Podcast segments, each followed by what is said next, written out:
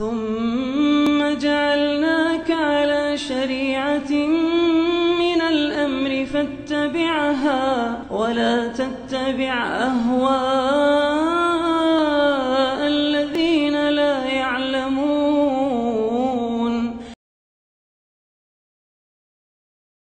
بسم الله الرحمن الرحيم. الحمد لله رب العالمين. والصلاة والسلام على المبعوث رحمة للعالمين. نبينا محمد وعلى آله وصحبه ومن تبعهم بإحسان إلى يوم الدين أما بعد kaum muslimin dan muslimat, para pendengar, rahimani wa rahimakumullah, Assalamualaikum warahmatullahi wabarakatuh. Uh, sebuah hadith dari Rasulullah Sallallahu Alaihi Wasallam diriwayatkan oleh Al-Imam Muslim Ibn Al-Hajjaj Al-Kushairi An-Naisaburi di dalam kitab sahihnya. Dengan sanatnya kepada Abu Hurairah radhiyallahu taala anhu beliau berkata anna Rasulullah sallallahu alaihi wasallam qala sesungguhnya Rasulullah sallallahu alaihi wasallam bersabda la taqumu as-sa'atu hatta yuqatil al-muslimun al-yahud tidak akan tegak hari kiamat tidak akan terjadi hari kiamat sampai kaum muslimin memerangi orang-orang Yahudi. Fayaktuluhumul muslimuna. Kemudian mereka dibunuhi oleh kaum muslimin. Hatta yakhtabi'a al-Yahudiyu min wara'il hajari wa syajar. Sampai seorang Yahudi itu bersembunyi di belakang batu dan pohon. Fayaqulul hajaru awis syajar, maka batu atau pohon pun berkata, Ya Muslim, Ya Abdullah, wahai Muslim, wahai hamba Allah, ada Yahudiyun khalfi. Ini ada orang Yahudi di belakangku. Fata'ala faktulhu. Marilah engkau bunuh dia. Jadi semua pepohonan berucap seperti itu. Illal gharqat kecuali pohon gharqat. Fainahu min syajaril yahud. Karena pohon gharqat ini dari pepohonan orang-orang Yahudi. Hadith yang mulia ini terdapat di dalamnya sejumlah pembahasan keimanan dan perkara-perkara penting yang patut untuk diperhatikan. Rasulullah Sallallahu Alaihi Wasallam mengabarkan la Hari kebangkitan tidak akan tegak. Hari kiamat tidak akan datang. Tidak akan terjadi. Hatta sampai kelihatan tanda ini. Ini menunjukkan bahwa hari kiamat itu adalah suatu hal yang pasti. Karena itu dari keimanan seorang mukmin dari salah satu rukun iman adalah al-imanu bil yaumil akhir. Keimanan akan hari akhirat. Hari akhirat itu datang dengan terjadinya hari kiamat. Hari akhirat datang dengan terjadinya hari kiamat. Dan terdapat bahwa hari kiamat itu ada tanda-tandanya.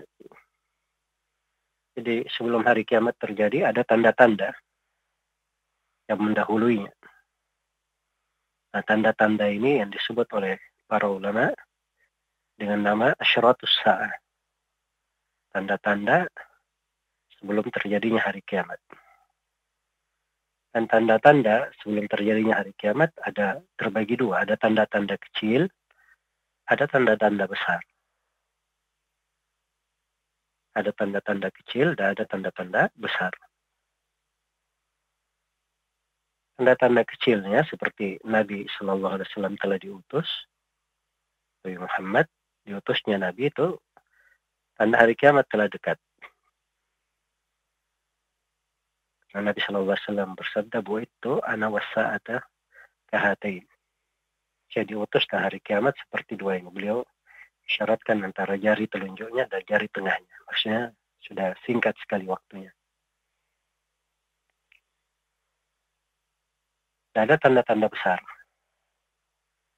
Di antara tanda-tanda besar itu kadang diselingi dengan tanda-tanda kecil. Ya, tanda besar dari hari kiamat keluarnya Dajjal,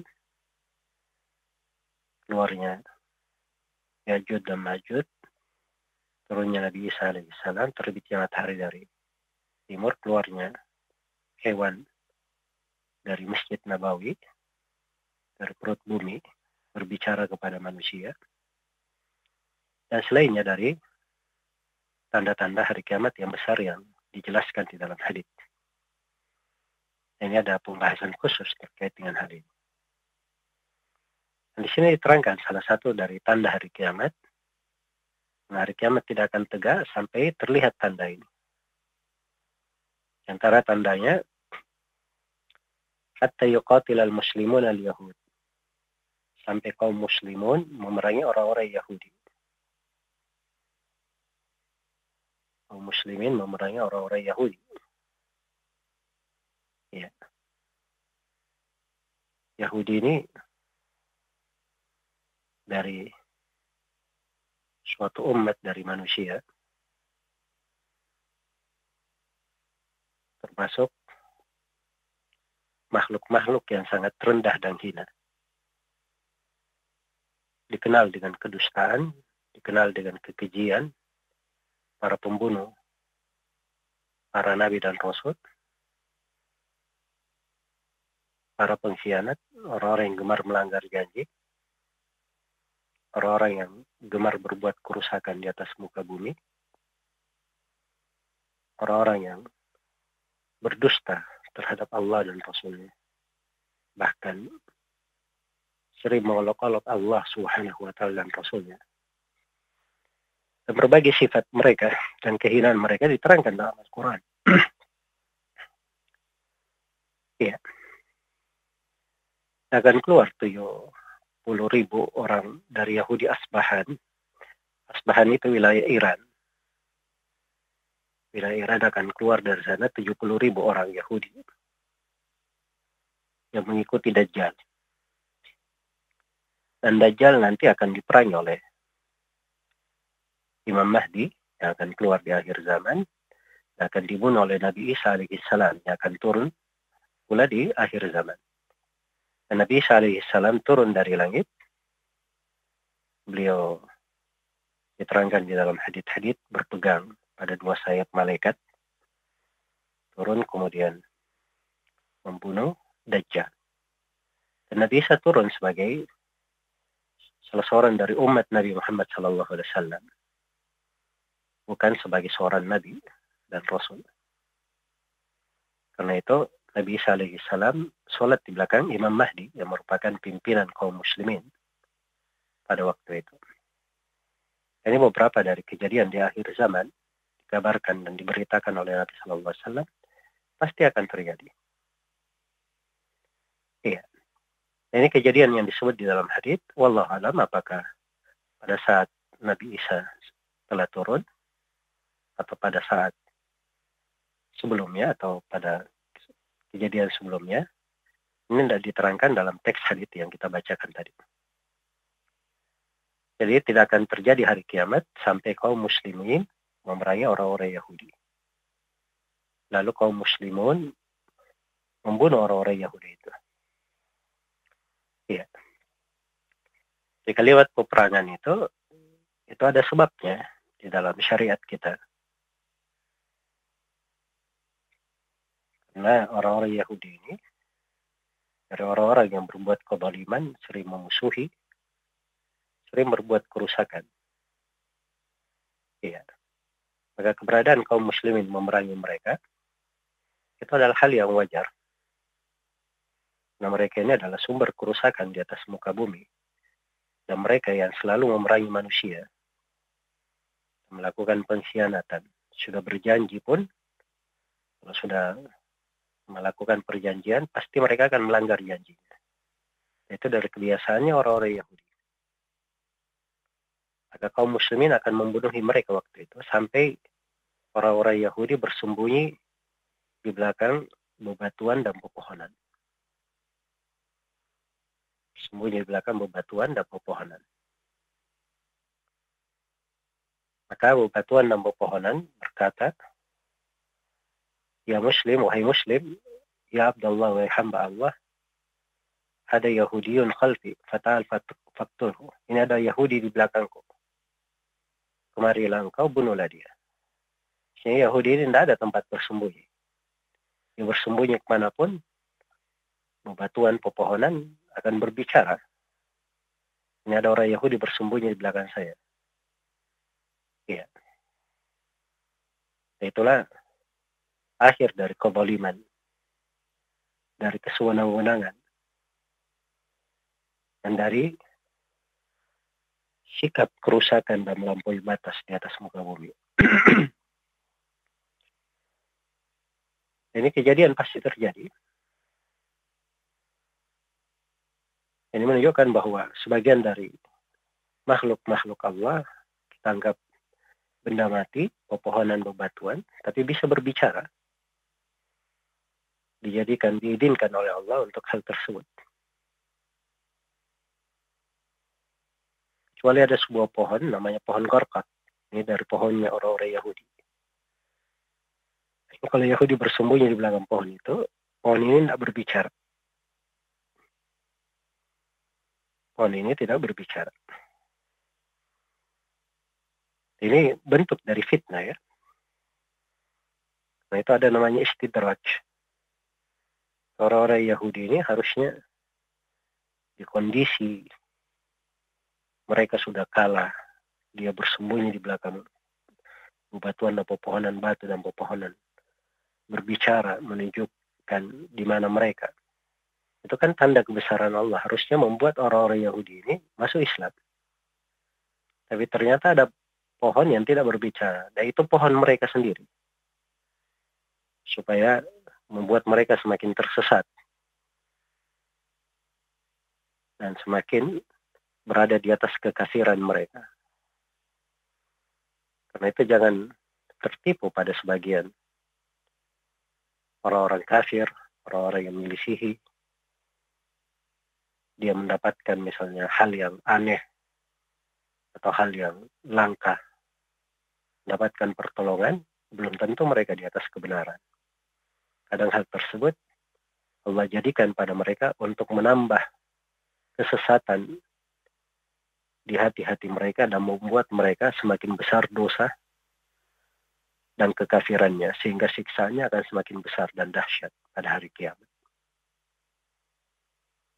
Di sini ada satu hal yang patut direnungi, diperhatikan di umat Islam ini pasti akan berjaya nanti di akhir zaman. Kaum muslimin akan berkuasa, dijayakan dan dimenangkan. Akan terhadap orang-orang Yahudi yang selalu memusuhi mereka, memerangi mereka. Kaum muslimin akan berjaya nanti di atas mereka pada hari kiamat. Itu kepastian. Kita hanya menunggu waktu kita hanya menunggu tiba masanya. Tapi kemenangan itu kepastian memang.